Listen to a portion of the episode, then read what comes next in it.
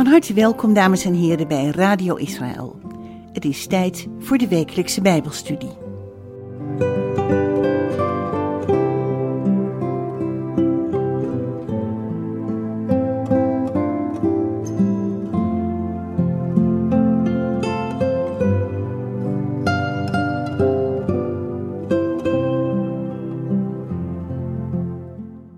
Shalom luisteraars.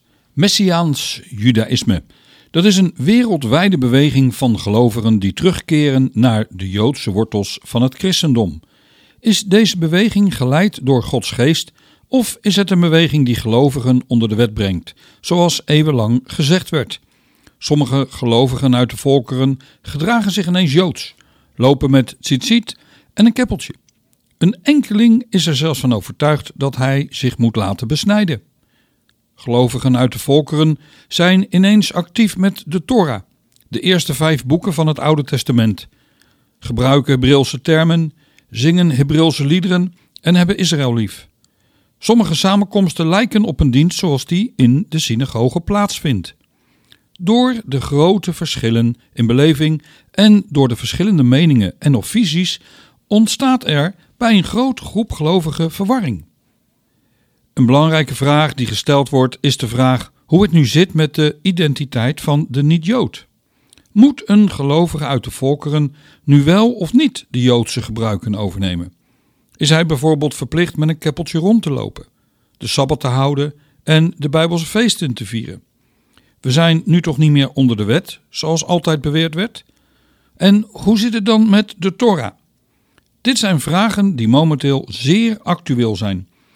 In deze nieuwe studiereeks ga ik in op deze actuele zaken en laat u zien hoe dat gestalte kreeg onder de eerste gelovigen uit de volkeren. Deze groep stond bekend als de Godvrezenden. Deze studiereeks heet dan ook de Godvrezenden. Voor deze studie is gebruik gemaakt naast de Bijbel, het woord van God, van het boek Godfearers, Gentiles en the God of Israel. Godvrezenden, heidenen, en de God van Israël, geschreven door Toby Janicki en aangevuld met onderwerpen uit de praktijk. Misschien, luisteraars, is het goed als u pen en papier gereed heeft en onder andere de Bijbelteksten opschrijft en later nog eens terugleest. Welkom, mijn naam is Jack van der Tang.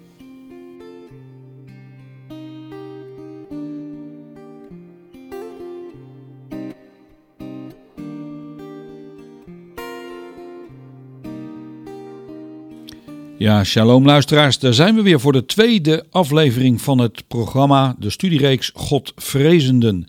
En ik heb gemerkt dat er een ongelofelijke behoefte aan is en dat er heel veel reacties op komen. Zeker nu een aantal mensen er allerlei meningen, visies uh, op laten circuleren op internet en de verwarring alleen maar groter wordt. En ik denk daarom dat het zo belangrijk is dat deze studie op Radio Israël klinkt en dat we helemaal aan het begin begonnen zijn. Gewoon allereerst wat is nu eigenlijk een niet-Jood, een Gentile? Waar staat dat voor en wat is zijn rol ten aanzien van Israël? Gewoon, we moeten ons verplaatsen in de tijd dat Jezus, Yeshua, leefde op aarde. Hoe was het toen? Hoe zag men toen eigenlijk de niet-Joden? En ik ben een niet-Jood. En ik denk dat de meeste luisteraars ook van dit programma niet-Joden zijn. We hebben in ieder geval, we zijn gestopt verleden keer in het tijdperk van Yeshua. Na Yeshua als het ware, waarin de apostelen uh, op pad werden gestuurd, de uitstorting van Gods geest was. En toen hebben we gedeeld over dat visioen wat Petrus kreeg, waardoor hij een onmogelijke opdracht kreeg. Hij moest het huis ingaan van Cornelius. Een niet-Jood. Een Jood die het huis ingaat van een niet-Jood. En toen kreeg hij dat visioen met dat eten, met al die beesten erop. Daar hebben we het over gehad. En uh, dat Paulus uiteindelijk liet zien wat er gebeurd was en dat de heidenen werden toegevoegd bij de Joden. En dat die scheiding die er was, en die was er dus heel duidelijk, dat die er niet meer was. Dat er een eenheid was gekomen. En dat wil niet zeggen dan gelijk dat wij dan Joden worden. Nee, wij worden als niet-Jood geaccepteerd. We horen erbij. dat is ook wat Jezus heeft gezegd, Yeshua. Dat hij die scheidingsmuur heeft weggenomen. En dat is zo bijzonder. toen hebben we het gehad, en ik hoop dat u dat nog weet, over die halaga, die regel. Dat Petrus een nieuwe regel als het ware heeft toegevoegd. Dat je als Jood het huis mag binnenkomen. Dat je maaltijd mag houden met een niet-Jood die gelovige is geworden in de Messias. En daarop moeten we heel erg uh, even de nadruk op vestigen. Want ja, het huis van een niet-Jood binnen, dat had nogal wat impact. En daar kwam hij, en daar eindigde ik verleden keer mee, in Handelingen 15 op terug. Handelingen 15, vers 5. Maar, zeiden zij, er zijn er enige opgestaan onder de aanhangers van de secte van de Fariseeën, die gelovig zijn geworden. Dus dat zegt eigenlijk wel wat als je erover nadenkt. Van de secte van de Fariseeën, een groep van de Fariseeën. Die waren ook gelovig gaan worden en wisten dat Yeshua de Messias was. Maar die mensen veranderden niet hun levensstijl. Dat is wel heel goed om te beseffen, want soms denken mensen dat. En die zeggen dat men hen moet besnijden en moet gebieden de wet van Mozes in acht te nemen. Dat is waar Petrus mee te maken kreeg. En de apostelen en de ouderlingen kwamen bijeen om deze zaak te bezien. Ja, de mannen moesten zich laten besnijden. Dat was de opdracht nu.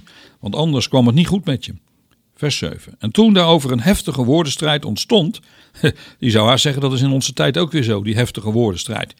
Toen stond Petrus op en zei tegen hen: Mannenbroeders, u weet dat God lang geleden onder ons mij uitgekozen heeft, zodat de heidenen uit mijn mond het woord van het evangelie zouden horen en zouden geloven. En God, de kenner van de harten, heeft getuigenis aan hen gegeven door hun de Heilige Geest te geven, evenals aan ons. En dan zegt hij: En hij, dat is de Heere God, heeft geen onderscheid gemaakt tussen ons en hen, en heeft hun hart door hun geloof gereinigd. Besneden zou je als het ware daarvoor in de plaats kunnen zetten. Dat is wel heel belangrijk, want dit was zo'n stap. Dit was revolutionair in die tijd. Wel nu, dan. Waarom verzoekt u God door een juk op het hals van de discipelen te leggen, dat onze vaderen en ook wij niet hebben kunnen dragen? Wij geloven door de genade van de Heer Jezus Christus op dezelfde wijze zalig te worden als ook zij. En dat heeft te maken met die strijd dat de regels en de wetten niet zalig maken. Alleen het offer van Yeshua, dat maakt zalig. Hoe werkt dat dan? We zien dus ineens eigenlijk in dit hele belangrijke gedeelte wat we nu gedeeld hebben over die niet-Jood. En we hebben eerst kunnen zien dat dat in de loop der tijd die betekenis is veranderd. Hè? Dat waren afgodendienaars geworden. Dat was in die intertestamentaire periode hadden de rabbijnen eigenlijk steeds meer en meer dat woord ontwikkeld. Dat de niet-Jood stond voor een afgodendienaar. En daar moest je verre van blijven. En in die tijd was ook Yeshua opgevoed. Nou, we zien nu ineens, de heidenen horen erbij. De heidenen worden genoemd. U en ik mogen erbij horen. Wij hebben toegang tot God. We hebben toegang tot de verbonden met Yeshua. Door die officiële bekering. En dan zou je eigenlijk kunnen zeggen, en dat is een mooi christelijk woord, en soms is dat weer lastig hoe je dat uit moet leggen, maar we zijn vrijgekocht. En zo worden we nog steeds genoemd. Maar we zijn wel niet Joden. En we blijven niet Joden. Maar dat woord, die gentaal, die heiden, die wordt nog steeds gebruikt op een bijzondere manier. Want als je gaat bijvoorbeeld kijken naar 1 Thessalonicense 5, dan staat daar in vers 5: En niet in hartstochtelijke begeerte, zoals de heidenen, die God niet kennen. Hé, hey, het blijft toch apart, hè? Je bent heiden, je komt tot geloof. Ja, hoe moet je jezelf dan eigenlijk gaan noemen? 1 Petrus 4, vers 3. Want wij hebben de voorgaande tijd van ons leven lang genoeg de wil van de heidenen gedaan en gewandeld in uitingen van losbandigheid, begeerten, dronkenschap, zwelgpartijen, drinkgelagen en allerlei walgelijke afgoderij. Dat is dus wat nog steeds in het Nieuwe Testament ook het woord heiden voor gebruikt werd. Maar een heiden, zoals u en ik, die tot geloof komen, en ik hoop dat dat voor u ook geldt, wij hebben niet meer die losbandigheid, die begeerte, die dronkenschap, die zwelgpartij, die drinkgelagen, allerlei walgelijke afgoderij. Dus het is toch wel lastig om te zien hoe ga je daar dus dan mee om. Maar de niet-Joden, luisteraars, bleven altijd de Gentiles genoemd. De vreemdeling, de niet-Jood en soms dan ook de heiden. Nou, in de tijd van Yeshua en daarvoor, ik denk dat dat heel belangrijk is, was het Judaïsme een hele populaire godsdienst. Er kwamen heel veel mensen tot inzicht dat de God van Israël de enige ware God was. Nou, wat moest je dan doen? En wat gebeurde er dan? Nou, heel veel mensen uit de volkeren sloten zich aan bij het Joodse volk. De proselyten. En dat was een hele grote, grote groep. En dat gebeurt momenteel ook in Nederland. Er zijn heel veel mensen, en ik ben daarvan geschrokken, hoeveel er daarmee bezig zijn, die zo ja, enthousiast zijn over het Jodendom. En dat ben ik ook. Alleen, je hoeft niet een Jood te worden als het ware. Wat gebeurt er? Men ging zich bekeren tot het Jodendom. En dat gebeurde door twee belangrijke zaken. De eerste is uh, de besnijdenis. En de tweede was de onderdompeling. En daar hebben we het al over gehad. En die besnijdenis, daar was net die ruzie zo over in Handelingen 15. Oh mensen, dat was zo'n gevoelig onderwerp. Je kon nooit en te nimmer behouden worden als je niet besneden werd als niet-Jood en je kwam erbij. Dat was de gedachte in die tijd. Dat was waar de fariseeërs helemaal mee waren opgevoed.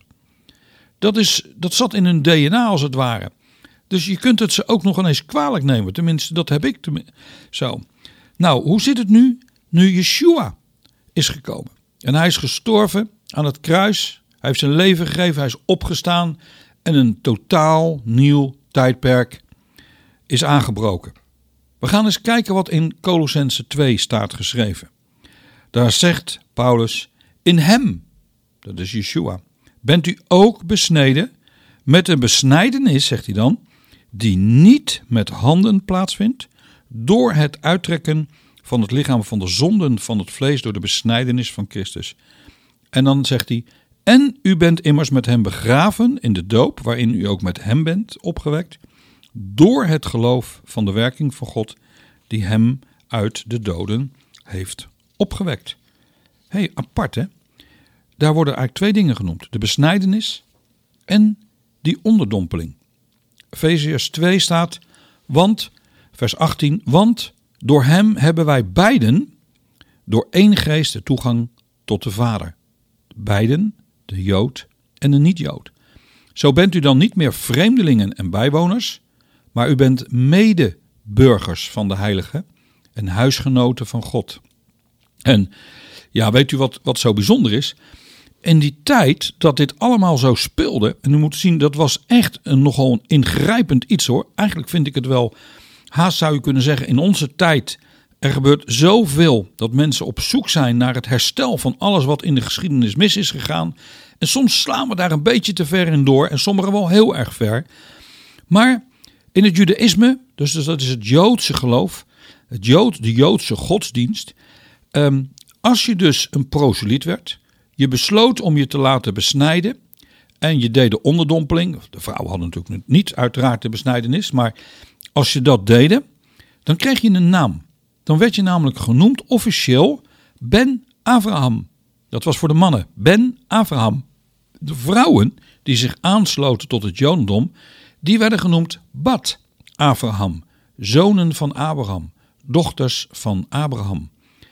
En dan gaan we eens kijken wat er nu gebeurt in het Nieuwe Testament. En ik vind het zo mooi als je dat gaat zien. En dan ga je ook steeds meer snappen, snappen waarom Paulus zo tekeer ging tegen de mensen die zeiden van je moet je laten besnijden. En dan zegt Paulus in uh, hoofdstuk 3, en dan ga ik even beginnen, vers 5. Hij dan die u de geest verleent en krachten onder u werkt. Dat zegt hij dan tegen de gelovigen uit de volkeren. Doet hij dat uit de werken van de wet of uit prediking van het geloof? Een hele belangrijke tekst, mensen. Zoals Abraham God geloofde en het hem tot gerechtigheid werd gerekend, begrijp dan toch dat zij die uit het geloof zijn, zonen of Abrahams kinderen zijn.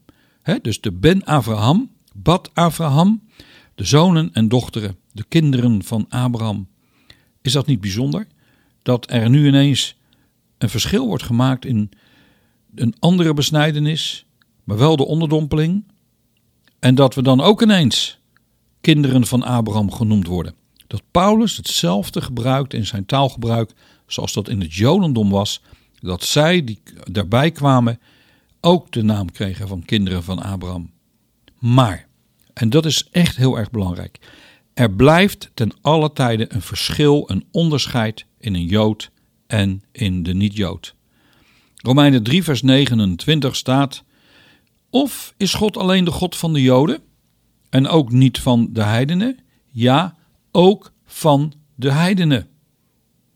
Het is zo belangrijk om dat te zien. Mensen, als wij erbij horen, dan gebeurt er als het ware op een nieuwe manier iets wat gebeurde voor Yeshua.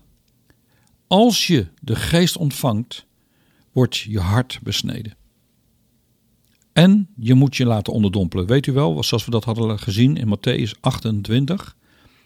He, onderwijzen en dopen, onderdompelen. Die twee facetten, alleen nu hebben we een geestelijke besnijdenis.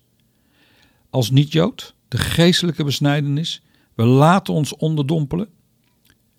En dan worden wij zonen of Abrahams kinderen, zonen of dochteren van Abraham genoemd, zoals dat in het judaïsme toen in die tijd ook werd genoemd.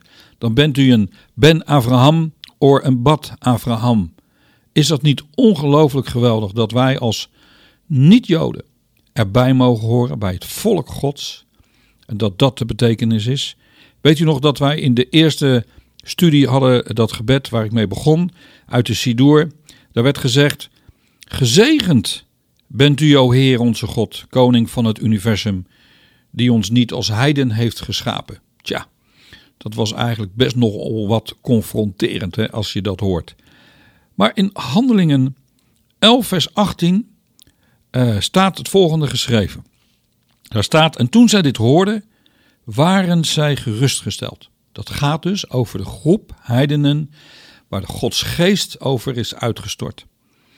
Zij verheerlijkte God en zeiden: Zo heeft God dus ook aan de heidenen de bekering gegeven, die tot het nieuwe leven leidt. Zouden wij dat gebed uit de Sidoor zo kunnen uitspreken? Gezegend bent u, o Heer onze God, koning van het universum, die zelfs aan de heidenen, dus aan ons, heeft gegeven om zich te bekeren tot het leven. Is dat niet bijzonder? Dat wij dus als heidenen er op deze manier bij mogen horen, door de geestelijke besnijdenis en door de onderdompeling.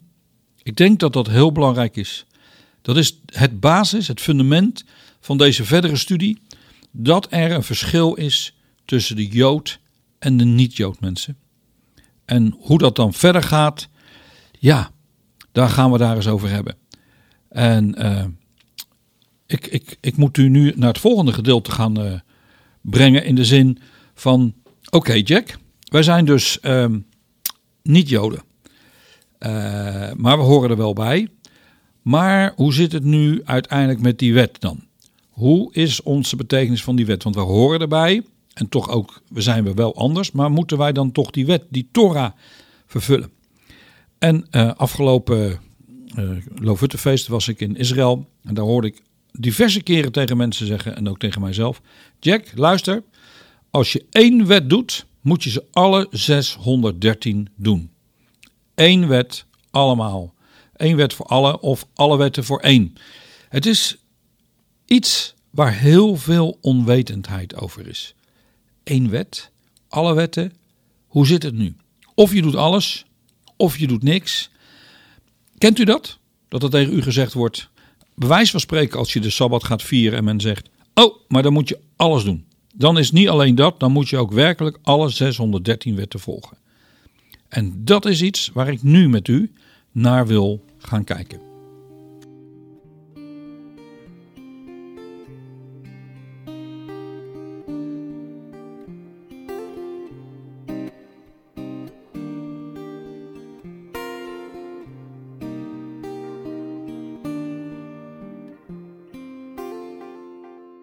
Vraag over die 613 wetten waar iedereen het steeds over heeft. Geldt dat voor iedereen? Geldt dat voor ons allemaal? Zowel Jood als niet-Jood. 1 Korinthe 7 vers 19 zegt... Besneden zijn is niets en onbesneden zijn is niets. maar het in acht nemen van de geboden van God. Dat is denk ik wel heel belangrijk om ons dat te realiseren. Er zijn dus wel geboden.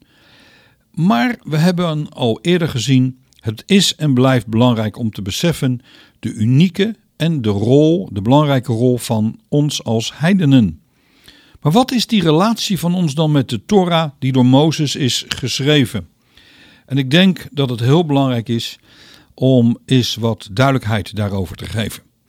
Belangrijk, er zijn namelijk verschillende instructies voor verschillende mensen in Israël. Het is dus belangrijk om te weten wat en voor wie bestemd is. Het is voor een individu persoonlijk. En voor wie is die Torah? Het is voor de Israëliet en voor de vreemdeling. Maar die Israëliet wordt weer onderverdeeld in de priester, in de leviet, in de man, voor de man en voor de vrouw. Dus er zijn meerdere groepen waar de wet voor bestemd is.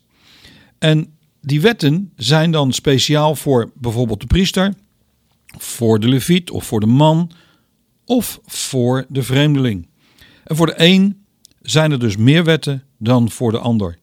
Alleen mensen, niemand hoeft alle wetten te doen. Sowieso is dat al een fabeltje. Die 613 wetten waar men dan altijd maar gelijk mee loopt te, te reageren van weet je wel dat je dan alle 613 wetten moet doen? Dat kan al helemaal niet, want zelfs voor de Israëliërs, voor de Jood geldt dat al niet. Want als je een priester bent, dan gelden er voor jou speciale regels die in de Torah staan. En die horen bij die 613. En ja, uh, als je geen priester bent, gelden die wetten dus niet voor jou. Dus het is allemaal wat anders dan dat wij allemaal heel simplistisch maar denken: oké, één wet, dan alle wetten. En dat is dus niet zo. En die 613, hoe zit dat nu? Uh, hoeveel regels, hoeveel wetten zijn er? Nou, men zegt 613. Ik sprak uh, nog niet zo lang geleden met de rabbijn in Den Haag hierover. En hij zei: Weet je trouwens, 613, uh, hoe dat dan komt? Ik zeg hoe, je, hoe ze daar aankomen. Hij zegt: Het is namelijk zo dat de getalswaarde, de numerieke waarde van de letters van het woord Torah, is 611. En 611, dat zijn de regels die er zijn voor de mensen. Maar er zijn twee regels. En dat zijn geen geboden. Of het nou positief is of negatief. Maar dat is bijvoorbeeld het volgende. Hoor Israël uw God. Is één God. Het is een statement van God zelf. En die twee komen dan bij die 611 waarop je op 613 komt. Dus hoor Israël, uw God is één God. En heb de Heere God lief. Dat zijn het. Je hebt 248 positieve geboden, de mitzvot. En er zijn 365 negatieve geboden, de mitzvot. En je moet je, uh, belangrijk, weet hoe dat nou allemaal zit. Want je moet dat gaan begrijpen. En als je dat gaat begrijpen, dan ga je ook veel meer en veel beter verstaan het Nieuwe Testament. Die 613 geboden, dat is onder andere is dat, uh, zijn verschillende rabbijnen die dat in de loop der tijd hebben uitgewerkt. Je kunt dat allemaal vinden, die lijsten, wat dat dan allemaal is. Um, nou, je hebt bijvoorbeeld staan, en ik moet u zeggen dat je soms verrast bent hoe praktisch de zaken zijn. Maar als je gaat naar het gebod 600 of 170, dat komt dan uit Leviticus 25 vers 14. Dat betekent, dat wordt dan gezegd in het Jodendom, handel eerlijk in koop en verkoop.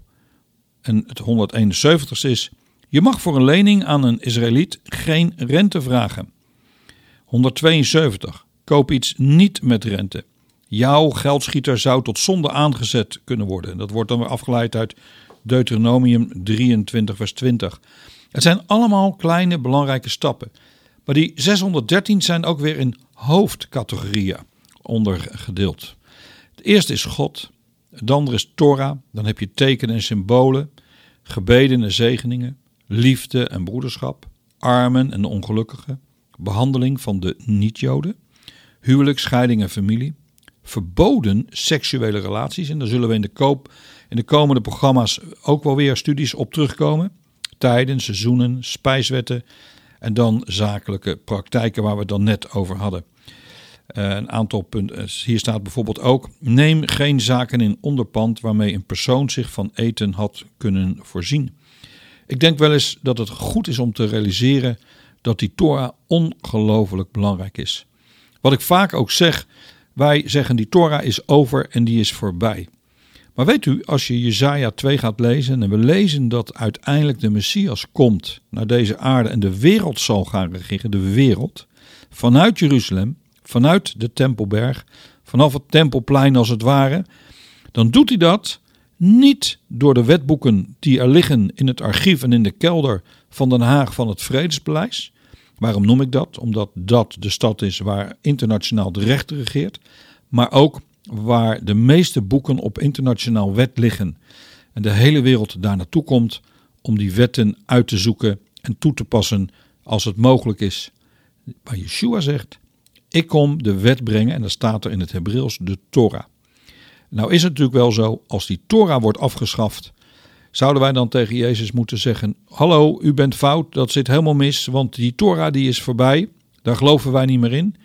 Terwijl hij de Torah zal gebruiken om de wereld ja, recht te spreken in de wereld. Zo zie je dat het allemaal wat lastiger is. En hoe ga je daar dan mee om?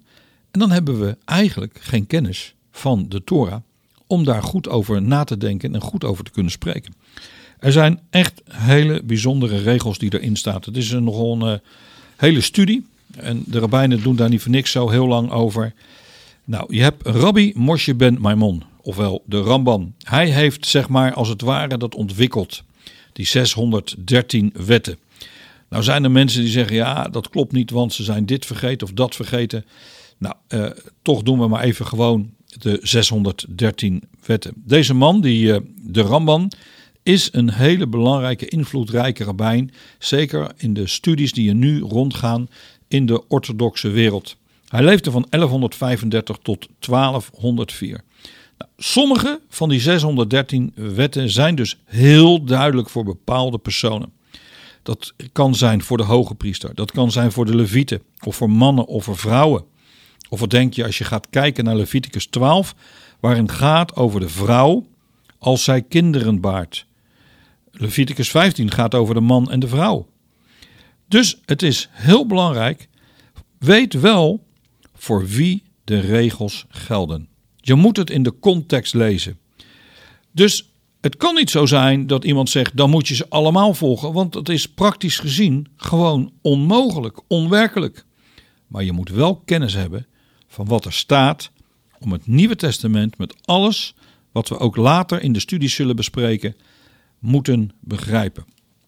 bekende rabbijn, Rabijn Meir, die zegt: Wanneer weten we dat zelfs een heiden die de Torah's bestudeert is als een hoge priester? Dat is zijn vraag en dat komt uit het vers uit Leviticus 18, vers 5. Daar staat: Mijn verordeningen en mijn bepalingen moet u in acht nemen. De mens die ze houdt, zal erdoor leven. Ik ben de Heere. Dan zegt die rabbijn: de priesters, de levieten en de Israëliërs worden hier niet genoemd.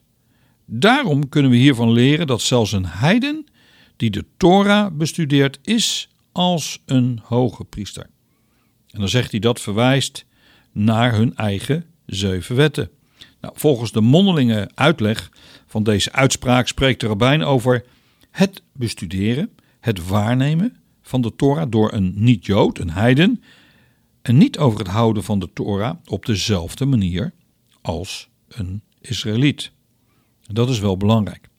In de gedachte van de Talmud betekent dat er een verschil is in het houden van de Torah door een heiden en in vergelijking hoe een Israëliet die Torah houdt. Ook nu zie je heel duidelijk dat er een verschil is qua identiteit, Jood en niet-Jood. Maar wat nu? Wat is de vraag? Wat zegt de Torah zelf over het verschil tussen de Joden en de heidenen? Want dat doet het ook tussen de priesters, tussen de levieten, de mannen en de vrouwen. Wat je heel veel leest is steeds de vreemdeling onder u. De rabbijnen ontleden geboden of instructies die toepasbaar zijn op de naties. En um, wat, wat heel apart is, is dat Noach wordt daarin genoemd en speelt een hele belangrijke rol. Noach is natuurlijk als het ware verschenen op het toneel, om het zo maar te zeggen, het wereldtoneel voor Abraham. En hij is als het ware het prototype van de rechtvaardige Gentaal, de rechtvaardige niet-Jood, de rechtvaardige heiden. Nou, er is een hele instructie uitgekomen, dat zijn de Noachitische wetten. Ik ga even met u lezen. Genesis 9, en dan beginnen we het eerste vers. Toen zegende God Noach en zijn zonen. En God zei tegen hen: Wees vruchtbaar, word talrijk en vervul de aarde. Vrees en schrik voor u zal er zijn bij alle dieren van de aarde en bij alle vogels in de lucht, bij alles wat over de aardbodem kruipt en bij alle vissen in de zee. Zij zijn in uw hand gegeven. Alles wat zich beweegt waarin leven is, zal u tot voedsel dienen. Ik heb het u allemaal gegeven, evenals het groene gewas. Maar vlees met zijn leven, zijn bloed, er nog in mag u niet eten. Voorzeker, ik zal vergelding eisen voor uw bloed, voor uw levens. Van de hand van alle dieren zal ik vergelding eisen. Ook van de hand van de mens. Van de hand van ieders broeder zal ik vergelding eisen voor het leven van de mens. Vergiet iemand het bloed van de mens? Door de mens zal dienstbloed vergoten worden, want naar het beeld van God heeft hij de mens gemaakt. Ik heb met u gelezen Genesis 9, de versen 1 tot en met 6. Het is een heel belangrijk gedeelte in het Jodendom. Want hier, uit dit gedeelte, zijn geleid de Noachitische wetten. Zeven wetten. En die zijn heel belangrijk vanuit het Jodendom gezien. De regels die opgelegd worden aan de heidenen. Uit de gelovigen als het ware uit de volkeren. Er wordt een verbod, komt er, dat halen ze uit deze teksten. Een verbod nummer 1 is: afgoderij mag niet. Moord mag niet. Diefstal mag niet. Het vierde punt is de seksuele immoraliteit. Daar wordt aan de kaak gesteld. De godslastering. Dan wordt er gezegd het eten van een deel van een levend dier. Ja, nou zouden wij zeggen, dat heb ik nog nooit van mijn leven meegemaakt en ik moet er niet aan denken. Maar er zijn bepaalde landen, bepaalde gebieden waarvan alles gebeurt. Op het gebied van eten wat wij ons niet kunnen indenken. En ook in vroeger gebeurde het anders. Opzetten, het nummer 7 van gerechtshoven. Dat zijn plaatsen dus waar recht wordt gesproken. Nou, die zeven die zijn door de oude rabbijnen, de oude wijzen van Israël opgesteld. Dat dit een heel belangrijk zijn. Ze zeggen de geboden aan, Noach gegeven door God zijn een hele belangrijke plaats om te beginnen. De start als het ware over de discussie. Moet een heiden de toren houden? En misschien beter om eerst te kijken naar de Torah en de plaats van de ger. Wat vaak wordt vertaald als vreemdeling of gast. Het Hebreeuwse woord ger, de vreemdeling. En daar wil ik met u de volgende keer over doorgaan. Um, ik probeer, luisteraars, zo'n beetje 35 minuten uh, het vol te houden. Omdat het veel informatie is. Misschien wat droge kost, maar wel belangrijk. En een uur is gewoon te veel. Volgende week ga ik verder met één wet voor iedereen. Wat staat er nu uiteindelijk en hoe moeten we het zien? Dankjewel voor het luisteren. En uh, ik zou zeggen, tot volgende week, wanneer u deel 3 van De Godvrezende zult horen.